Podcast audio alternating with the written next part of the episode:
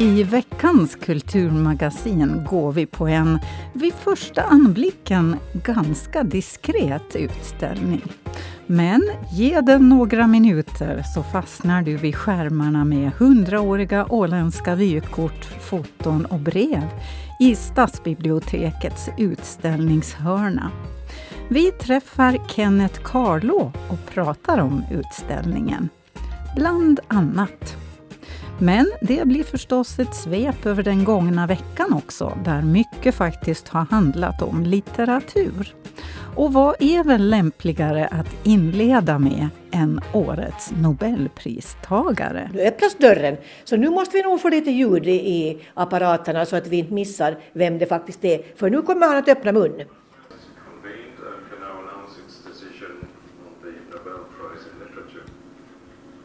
Nobelpriset i litteratur år 2021 tilldelas romanförfattaren Abdulrazak Gurna. Född på Zanzibar och verksam i England. Zanzibar född författare eh, och eh, med ett litet besvärligt namn men verksam i England är den lyckliga vinnaren i år. Eh, Abdul...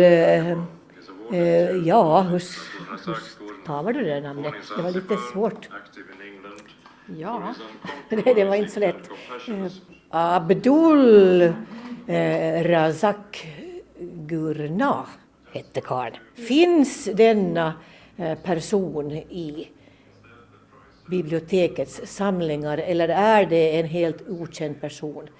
Nu ska vi se här om vi får fram någonting. Victoria eh, Lundgren, vad säger du om vi denna ska, författare? Vi ska se. Det var en helt okänd författare för mig. En helt mm. okänd författare för dig och inte verkar det ju riktigt som se. att det var hemskt mycket av den människan, mm. tills vidare åtminstone, i sökningen. Om inte mina eh, kollegor har bättre lycka än jag att leta fram så ser det faktiskt inte ut som att vi har någonting. Ja, hur känns det då? Det har väl hänt förut, om jag inte missminner mig. Alltså det, är, det är ju så att Nobelprislitteratur har ju varit lite överraskande nu, mm. många gånger. Känns det här så, överraskande då? För mig känns det överraskande, men eh, det är säkert en jättebra författare. Ja, det har vi ju lite svårt att säga så mycket om eftersom vi inte riktigt känner till honom. Skulle man, tycker du Victoria, önska sig någon gång att, att det skulle dyka upp någon Säg nu Margaret Atwood till exempel, som garanterat har massor med läsare jorden runt. Ja, men det skulle ju vara jätteroligt och framförallt så, så tycker vi att det skulle vara trevligt om det kom lite fler kvinnor som fick Nobelpriset. Vad, vad innebär det här nu för er då? Är det, blir det att, att liksom eh, kontakta det ställe där ni beställer böcker ifrån och se till att ni får några böcker av denna författare? Så brukar det alltid vara, att vi, vi köper in av, av Nobelpristagarna. Vi har kollegor som jobbar säkert febrilt redan med att, att, eh, att få tag på, på böcker, det tror jag. Det sa Victoria Lundgren på Stadsbiblioteket som intervjuades av Anki Karlsson. Och Abdul Razak Gurna heter alltså årets Nobelpristagare i litteratur. Vår egen stora åländska begivenhet, Mariehamns litteraturdagar, kommer enligt planerna att hållas som vanligt i vår med författare och publik på plats på stadsbiblioteket. Sheida Shafiei heter pinfärska projektledaren för evenemanget. Ehm, det känns stort eh, och ärofyllt. Ehm, det är ju ändå en av de äldsta evenemangen här eh, både på Åland och också eh, en av de äldsta litteraturevenemangen i Finland. Så att eh, det, känns, det känns väldigt spännande. Du har ju bara varit några veckor till en månad på mm. posten mm. nu som projektledare. Vad har du hunnit sätta dig in i och ta till dig hittills? Um, läsa uh, rapporter, sätta mig in i hur uh, det har eh, anordnats tidigare, eh, bli bekant med styrelsen um, och också planera förstås inför det kommande, um, det kommande evenemanget. Um, och lite ja men, eh, forska inom de här aktiva eh, författarna och journalisterna och eh, eventuella gästerna som vi vill ha hit. Vi, vi siktar ju på ett fysiskt evenemang det här året. Um, och vi vill komma tillbaks till den där känslan som, och stämningen som fanns. Um, men vi vill också uh, försöka hitta på nya idéer. Um, både med uppsättningen av det men också kanske sidoprogram. När eh, är litteraturdagarna ett datum spikat? Jo, um, litteraturdagarna kommer att hållas 24 till 27 mars.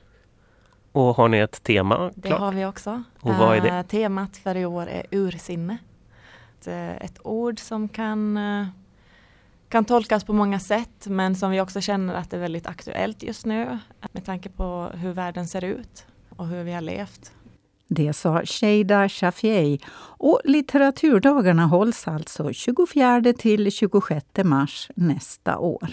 Reporter var Johan Ågren. Någonting som tyvärr hotas av nedläggning på grund av minskade anslag är den nordiska litteraturveckan i november. Där i år Karin Erlandssons bok Pärlfiskaren och Sally Salminens Katrina kommer att läsas av barn och vuxna i hela Norden. I år blir litteraturveckan av, men nästa års vecka dinglar på en skör tråd, berättar Bror Myllykoski i föreningen Norden på Åland.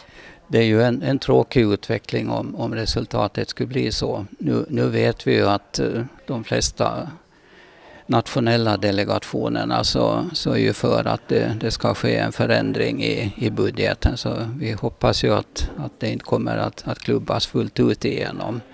För i, i rambudgeten då fram till 2024 så är tanken att kulturbudgeten ska skäras med 20 procent. Så det, det är ganska betydande belopp totalt sett. Och då är det ju inte enbart litteraturveckan utan det drabbar många andra av, av de nordiska funktionerna som är, så otroligt viktiga. Det sa Bror Myllykoski, verksamhetsledare för föreningen Norden på Åland.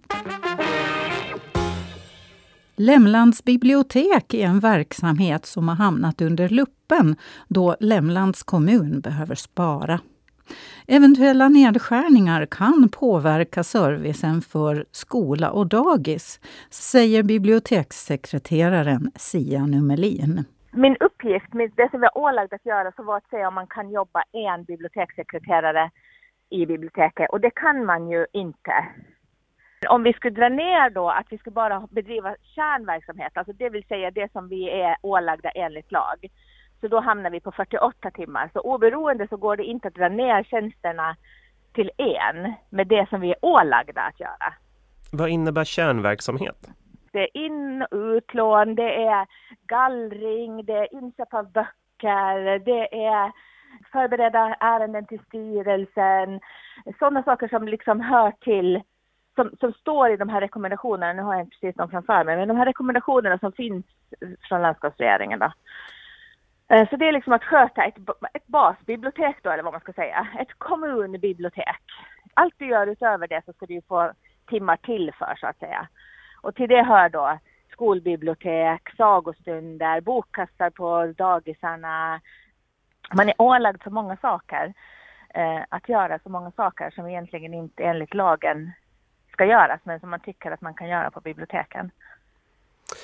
När det då finns ett eh, incitament att man ska försöka att skära ner på bibliotekstjänster, vad skulle det innebära i framtiden för skolbiblioteket i Lämland?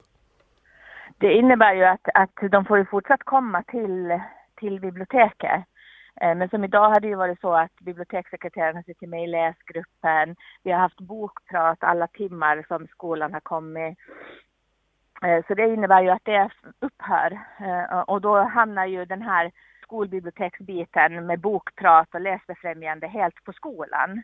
Så har det ju inte varit idag. Vi har ju haft ett fantastiskt samarbete med skolan och daghemmen. Eh, eh, och det kommer också att försvinna, samarbete med daghemmen, så tillvida att man får självklart komma till biblioteket och det får ju skolan fortsatt göra också. Men, men de läsbefrämjande åtgärder som, de försvinner ju inte. Det är ju skolan som, som får det på sig, för, för biblioteket kommer inte att hinna med det. Det sa Sia Numelin som intervjuades av Johan Ågren. Lämlands kommunstyrelse fattar beslut den 18 oktober. Någonting som än så länge ryms inom Lämlands biblioteks ramar är utställningar med och av lokala konstnärer. I veckan var det vernissage där för akvarellutställningen Höstglöd där åtta konstnärer visar sina alster. Bland andra Eila Takkonen och Eivor Johansson. Eh, dels jobbar vi med, med kontokort, alltså att man inte använder pensel nästan alls, utan det är kontokort och färg och vatten. Liksom. Och då blir det väldigt abstrakt. Och så får man se vad det, vad det blir helt enkelt och så får man bygga bilden utifrån det. Eh, sen gjorde vi de här löverna som är negativt måleri, där man alltså inte målar, du målar runt omkring eh, ditt, ditt din bild liksom. Eller ditt, Bakgrunden då, eller hur menar du? Ja, alltså att man målar, som löverna som är här nu då, då målar man inte själva lövet, utan du, du liksom målar från det ljusaste ner till det mörkaste, men du börjar med det ljusaste och så målar du runt omkring ditt löv istället för att måla själva lövet. Och så blir det lager på lager på lager och så blir det ett djup i bilden genom det då. Jag har sagt till er att ni ska välja ut en varsin tavla och liksom lite visa vad ni, vad ni har målat. Så, så vi börjar med dig Eivor när jag står här. Då tar jag den här då. Jag var på, jag var på en kurs i början av augusti i Varberg, just där som mm. den här läraren Gun Johansson var ifrån. Och så var jag ute och gick lite på en kulle och så såg jag att det blommade eh, längs med stenarna kaprifol. Mm. Och jag har, jag har ju bara sett kaprifol inne i trädgårdar och sånt och jag tyckte det var så spännande att låg där vilt och växte vilt där i, bland stenarna då. Så då målade jag den här bilden. Och vilken teknik har du använt här? Då är det det här med negativt mm. och positiv målning. Jo, för man kan nästan se att du har målat bakgrunden bakom de här fina blombladen, eller vad ja. heter de? Kronblad? Ja, precis. Ja. ja. Och, och, du har valt en ganska mörk bakgrund. Det, många konstnärer vågar inte riktigt använda ja. mörka färger. Hur kommer det sig att du vågar? Ja, det, jag hade väl en modig dag den dagen. ja. jag tyckte det passade i bilden. Ja. Ja. jättefin. Caprifol alltså. Ja. Jaha, då, då går vi tillbaka till Eila här. Vilken tavla väljer du? Jag kan väl ta det här med eftersom det är höstglöd som vi pratar om så det är den här med löven här. Ja. Det är ju också det här negativa måleriet som jag tyckte var ganska intressant. Jag har ju provat på det på Medis någon gång men det har aldrig liksom blivit av att eh, sen verkställa i fortsättningen. Men nu provar jag på nytt igen och jag tyckte det var väldigt intressant och det är en sån teknik som man bra kan använda i mycket motiv. Ja. Både, både insekter och vad man nu än tänker måla. Att just bygga upp en bild så att du får mycket djup i den. Så då ser man nästan att det, busken liksom är, är det mörka här i bakgrunden ja. så kommer löven mm. eller träden ja. fram här. Då precis. Ja. Eller är det till och med en bukett olika löv? Det är lite det är olika, olika löv. Det är lite ja. olika löv, ja. det sa Eivor Johansson och det var Josefina Jansson som hade sett utställningen Höstglöd på Lämlands bibliotek. Och från Lämland hoppar vi in till stan igen. För på galleriet på Torggatan tolkar nu en samling åländska grafiker begreppet Åland 100. Alltså du menar hela utställningen? Hela utställningen liksom så, det i, kanske i stort, är mitt, så att säga. Det, mitt fel. Det är ditt fel. Det är mitt fel, alltid mitt Precis, fel. och vad heter du? Tina Bark. Och du är? Jag är grafiker. Ja, ja. precis. Okay. hur, hur, hur kom ni på tanken? Så du, vi håller på i med det här gänget med grafiken i Konstföreningens verkstad. Vi träffas varje månad och vi brukar ha utställningar årligen egentligen. Mm. Vi har börjat det.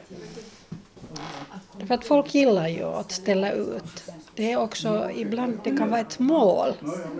Ja just det, så man har vi, något att vi, jobba jo, mot. Och... Att vi jobbar och jobbar mm. mot någonting så kanske det är en utställning. Och nu frågar jag sen då, jag hade bokat den här galleriet och så frågar jag om vi ska ställa ut igen och vad ska vi göra och nu då det är det här Åland 100 då alla ska hylla det här så tänkte jag att kanske vi ska också göra det. Så därför blev det det här. Mm. Att vi har temat Åland 100. Men det är lite fritt. Ja. Man fick tolka det Ja, det är ju ganska brett om man bara säger ja. Åland 100. Ja, liksom. Jag försökte ge lite tips. Okay. Att tänka på konstnärer, åländska konstnärer eller vad som helst. Vad har hänt här? Men, är, är det någon som har följt dina tips då? Ja, jo, Kalle kanske. Här har han gjort, hyllar Nanna Sjöström som var en känd åländsk grafiker. Det där är ju en kombination av lakan, spets och sandpapper. Det här är egentligen ett materialprov som jag gjorde bara för att se hur det reagerar. Sen tyckte jag att den blev ganska rolig sådär. Sen när jag jobbade med den här så tänkte jag att så här faktiskt det där eh, det blev lite en hyllning till Nanna Sjöström. Ganska eh, egensinnig och, och lite så här fantasifull och nyfiken. och, och Eftersom det, det, det blir liksom en Åland hundra år och av egen sinne har jag sett någonstans. Ja, ja. ja, ja. då, tänkte jag, då, då, tänkte jag faktiskt på henne mm. lite grann. Va? Så, att, så att det där blev mitt bidrag då till det här åländska egensinnet. Kalle Wetterström där, en av de grafiker som ställer ut på galleriet på Torggatan under rubriken Åland 100. Reporter var Axel Eriksson. Stiftelsen Ålands sjöfartsmuseum ordnade i veckan ett öppet seminarium kring bevarandet av stål och järnfartyg med inbjudna experter från ett norskt museivarv. Jesper Grönholm. Den här stålfartygsdagen så arrangerar vi för att få en, en större inblick i hur man på traditionella sätt också kan behandla järn och ståldelar på fartyget. Vi är väldigt bra på att ta in det här kulturarvet vad gäller rigg, däck, vi är bra på träarbete, vi, vi kan göra som man gjorde förr. Men sämre på den här eh, stålsidan. Är det mycket knepigt? Det ska vi lära oss idag. Det här är något som man inte har jobbat med just på vår sida eller på finska sidan. Det här historiska bevarande av stålfartyg med, med gamla metoder. Jag tycker det är jättespännande att vi startar upp ett sådant projekt. Det är ju ett flerårigt projekt som kommer att ta, utmynna i vår dockning om, om tre år. Sveinvik såghus från eh, Bredalsholmens dock och fartygsvärncenter. Eh, var i Norge har ni det här centret? Dette senteret det er et, eh, et verft hvor vi restaurerer gamle jern- og stålskip. Og det ligger i Kristiansand, helt sør i Norge. Vi har ei gammel tørrdokk hvor vi har, tar inn fartøy som vi eh, setter i stand med gamle håndverksmetoder. Altså med eh, det som på svensk heter niting istedenfor sveising. Mm.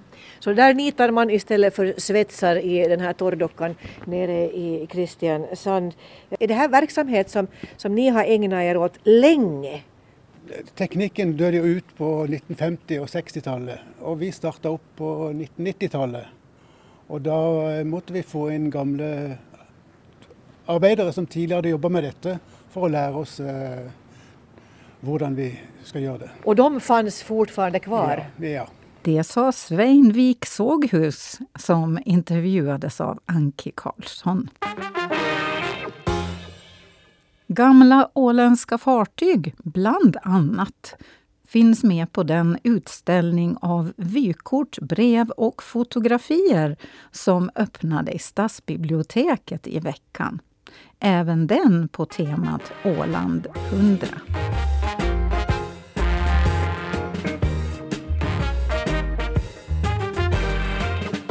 Det har öppnat en ska vi säga, utrymmesmässigt ganska liten utställning på eh, Mariehamns stadsbibliotek. Men innehållsmässigt är den väldigt stor. Kan man säga så, Kenneth Carlo? Ja, det kan man väl säga. Det är ju små saker som är stora. Ja. Ryms i pärmar helt enkelt. Ja. Vad, vad är det du ställer ut här? Vi fick till föreningen då för förfrågan, eh, Ålands eh, frimärkssamlarförening alltså, från kulturchef Lars Midbjer då att, att om vi har möjlighet att ställa ut lite.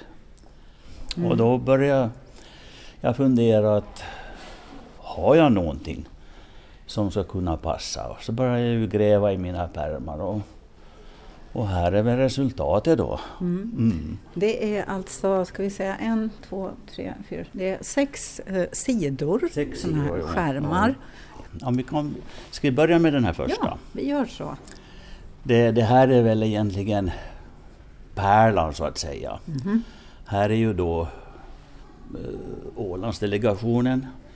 Eh, Julius Sundlund när han landstiger då i Mariehamn 1919 med sina kompisar om vi säger så. Vi, vilken, vilken båt är det? Nej, det vet jag Du faktiskt vet inte? Nej. Okej. Ja. Eh, Det, det har jag inte tagit Nej. reda på. De här två är väl just därifrån landstigningen och när de kommer hem. Just det. det var mycket folk på kajen. Ja, hördu du. Det var en stor händelse. Ja, det tror jag säkert. Ja. Jag, jag, jag är ju inte kunnig i det här så, så bra men jag har inte forskat så mycket i det Nej, här. precis. En annan grej så är ju här 1918 från Miramar när ryska bolsjeviker sitter uppradade vid ett bord. Oh. Det ser ut som en gammal målning nästan. Där vet jag att hon här i mitten, hon, hon hette Kollontaj. Det, Ah. Och så, vem är den här, du vet ingenting om den där mannen med det vita Nej, skägget där? Ja, ja. ja men det var, det var länge sedan Ja, kan det är länge sedan. Det är Ja. före min tid. ja, ja, och sen har du då när ryska militärer kommer till Lumpan med, med Oh. ångaren Baltic här. Oh.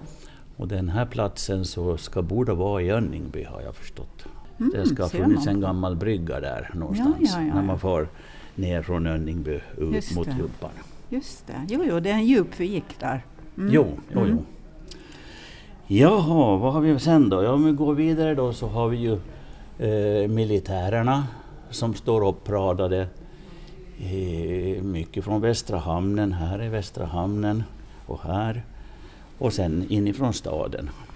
Vad konstigt att se så mycket militärer Ja, i men det var ju Mariehamn. den där tiden, det var ju Ja, ryskt. ja, så det, det.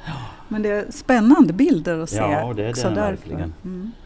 Här är då en general, har jag fått veta från baksidan på kortet, som hette general Schumann. Okej. Som inspekterar trupper här. Just. Är det här alltså vykort? Det här är vykort. Eh, Jag försöker inte köpa fotografier. För det, det Visst är de bra, men det här är äkta. Det blir fusk då. Ja, på sätt och vis. Det här är vykort. Ja. Ja, faktiskt. Just Det. med eh, streck på baksidan och, Ja. och sådär. Är det, är det vykort som det också är skrivet på? Är de Nej, de här- skickade de här? De här är inte postgångna. Nej, Nej, precis. en del kan vara det. En Just del det. kan vara det, men Ja. det, det, det ser man ju inte här. Här har du ryska fångar tågar genom Marby våren 1918 Ja, det- vid krigsslutet. Det, den informationen finns också Ja. på baksidan på kortet och vem som har skrivit det vet inte jag men det här är ju fantastiskt egentligen. Ja. Ryska fångar genom Marby. ja, i snön. ja. Och här är en parad. Eh, vad jag har förstått så är det här en ladugård Ja. i Eckerö. Det är musik, en musikkår som paraderar här också. Och de som känner till Eckerö så vet nog precis vad den här ladan heter. Och jag Klemmes ladugård har jag fått. Mm. Men, men, men du, alltså, vet du vad som slår mig nu? Vi har bara tittat på några av de här bilderna och jag får, eh, jag, jag får en, en väldigt konkret historielektion här.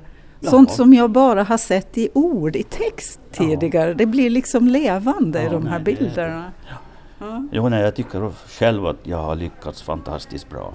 Till exempel här, Mm. från Östra Esplanadgatan. Mm. Det borde ha hetat Hultgrens det här. Just Så det. Ah. fanns ryska postkontoret. Och den där skylten där på väggen säger det. Att det är ryska postkontoret. Östra Esplanadgatan 11. Ja. Hör, det här, är, här är ju också är det badrestaurangen. Bara resta- jo, Bad, bad. mm. den, den här fanns ju ovanför badhuset eh, huset egentligen, som Just var nere i stranden. Men den är också borta. Den är också borta. Ja. Jo. Wow, ja. det, var, det, var ett, det, det såg ut som ett mysigt ställe. Dit skulle man kunna tänka sig att ja, gå och sätta sig. jag tippar att det kan vara där badhuspaviljongen ja. uh, står idag, att den här platsen Oj. fanns där då. Ja. Men alltså hur har du hittat alla de här?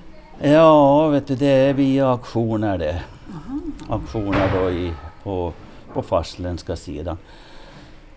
Och sen eh, på 80, 80 och början på 90-talet så i Stockholm på antikvariat och, och, handlare där. Där kunde man få tag i massor. Och mina kollegor före mig i, föreningen så på 60-70-talet så mm. då vallfärdade de dit och köpte hem mycket fina grejer. Så det finns alltså väldigt mycket mer än det här? I min samling menar du? Nej, jag menar överhuvudtaget här på Åland så finns det, det tror jag jättemycket. Säkert. Ja. Jag tror vi är ganska många anonyma samlare som, ja. som mig ungefär. Ja.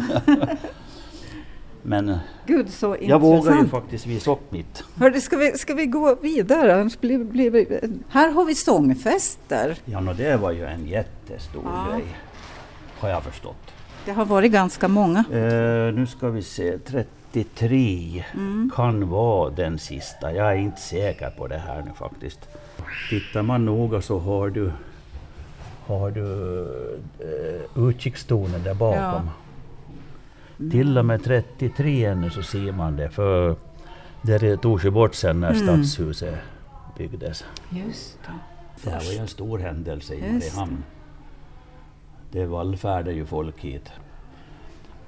Ångbåtarna gick kors och tvärs från fastlandet och hit tack vare det här. Mm. Vilken maffig scen de hade byggt upp. Ja, absolut. Det var liksom dåtidens rockoff. Det kan man väl säga. Absolut. ja. ja, sen hundra år, hundra år vidare om vi mm. tar mm. så börjar jag fundera, var ska jag hitta mer som är hundra år gammalt? Jo, gamla företag och, och, och i, i, i på Åland. Mm. Och där hade jag då en massa med firmabrev från 1900 början här har vi. Är det J det där? J Kufshinov, bastu. i bastu i Godby. Ja, vad han sysslar med eller de sysslar med, det vet inte jag. Ah. Det var det jag var och tittade nu på Ålandsdelen om det skulle förekomma någon ja, bok ja, ja, just om sånt här. Men det, jag hittar nog ingenting. Kanske det, det är en bra grund för ja. vidare forskning för någon. Ja. Mm. Som i Haraldsby till exempel, Haraldsby ångsågs hyvleri och tegelslageri. Ja. Och Valfrid Alftan, vem var han? Mariehamns Står det glas och sportaffär? Ja, det gör det. det vilken kombination! Ja. Fina Lundan i Mariehamn, vem var hon? Det ska ja. vara intressant att veta. Då är vi ju inne på hundra år igen. Och vad hade jag till? Jo, gamla ateljéfotografier. Det är också hundra år gammalt ja. idag, cirka. Där är det tre stycken gentlemän jättestolt poserar de med ja. sina cyklar. Ja, vem är de? Ja, vem är de? Och, det är någon som kanske kan berätta. Ja. Och här har du också det brudpar och du har en liten liten unge som sitter på en stol med en fin sån här ja. gungstolsmatta bakom. Ja. Här står det Ida Nordström. Jo, no, det var ju det jag försöker plocka fram. Mm. Ateljéfotografer då i stan. Bodnar var ju stor, det har jag förstått. Ja. Han förekom väl antagligen också i Stockholm. Sen hade vi då Ateljéer Helios. Men, men alltså Ida Nordström. Ida Nordström var också det, en var det vanligt att kvinnor var ateljéfotografer ja, på den tiden? Det, det verkar så. Det, det känns i alla fall som att det, det, var ju lite häftigt ändå tycker jag för att det är ganska många foton ja. med hennes signatur jo, här. det är faktiskt. Det här tycker jag är en pärla. Ja, berätta vad det är. Ja, det är eh, Mariams frivilliga brandkårsorkester. Och jag har varit aktiv i den här orkestern själv på 80-talet och in på 90-talet. Så där, därför, när jag fick tag i den här via en auktion så då, då högg jag direkt. på en auktion, presenteras de ja, bild det, för bild jo, då? De gör så, det? Ofta ah, så är det så. Okay. Ja, på de här nätauktionerna idag. Ja. Jäklar vad du får sitta och scrolla igenom bilder. Ja, det är mycket. ja, men det var fint. Alltså det, det, finns ju hur mycket som helst att se om man tar sig tid och tittar noga. Och det, man får så mycket frågor i huvudet om vad det där första bilden och vilket hus är det där och står det kvar mm. och tänk att det såg ut så där. Mm. Och, så jag antar att det är det som kanske också är lite din tanke här. Det är det nog det. Mm. Och vykort har jag ju från hela Åland. Det, det, finns ju inte med här nu inte. Det, det blir en annan utställning det i så fall. Det. det. här är ju nu bara för Åland 100, lite plock från olika ja, områden så att säga. Hur, hur mycket har du? Är det en samling? Ja, det vet jag inte. Men alltså, om vi tänker, de finns ju i pärmar de här. Ja, hur många nej, pärmar har om, du? Om, ja, någon vykort. Ja. Åländska vykort då från 1900 början fram till 40-50-talet. Så ja, jag har ju inte räknat dem men nog det är långt över tusen tror jag. Jo. Ja, på baksidan av dessa kan det också finnas jättefina stämplar till exempel. Ah, det, det För det är, ju, det är ju också en grej som jag håller på med. Okay. Posthistoria från Åland med åländska stämplar. Mm. Men det är en annan pärm. Men alltså du har, ju, du har ju material för hur många utställningar som helst, det ja, låter det som. Ja, no, det beror på hur aktiv jag vill vara. Men om folk nu har någonting intressant att berätta om, om någon av de här bilderna, något av de här vykorten, vad, vad ska de göra då? då? De kan ta kontakt till mig och, och berätta om vissa fotografier, bilder, brev. Vad det förestämmer, det ska jag vara väldigt tacksam för. Kenneth Carlo slår man upp i katalogen och så hör man av sig till ja, dig? Ja, det kan de göra. Det, det mm. kan de göra. Det. Tack så mycket. Mm. Tack ska du ha. Tack.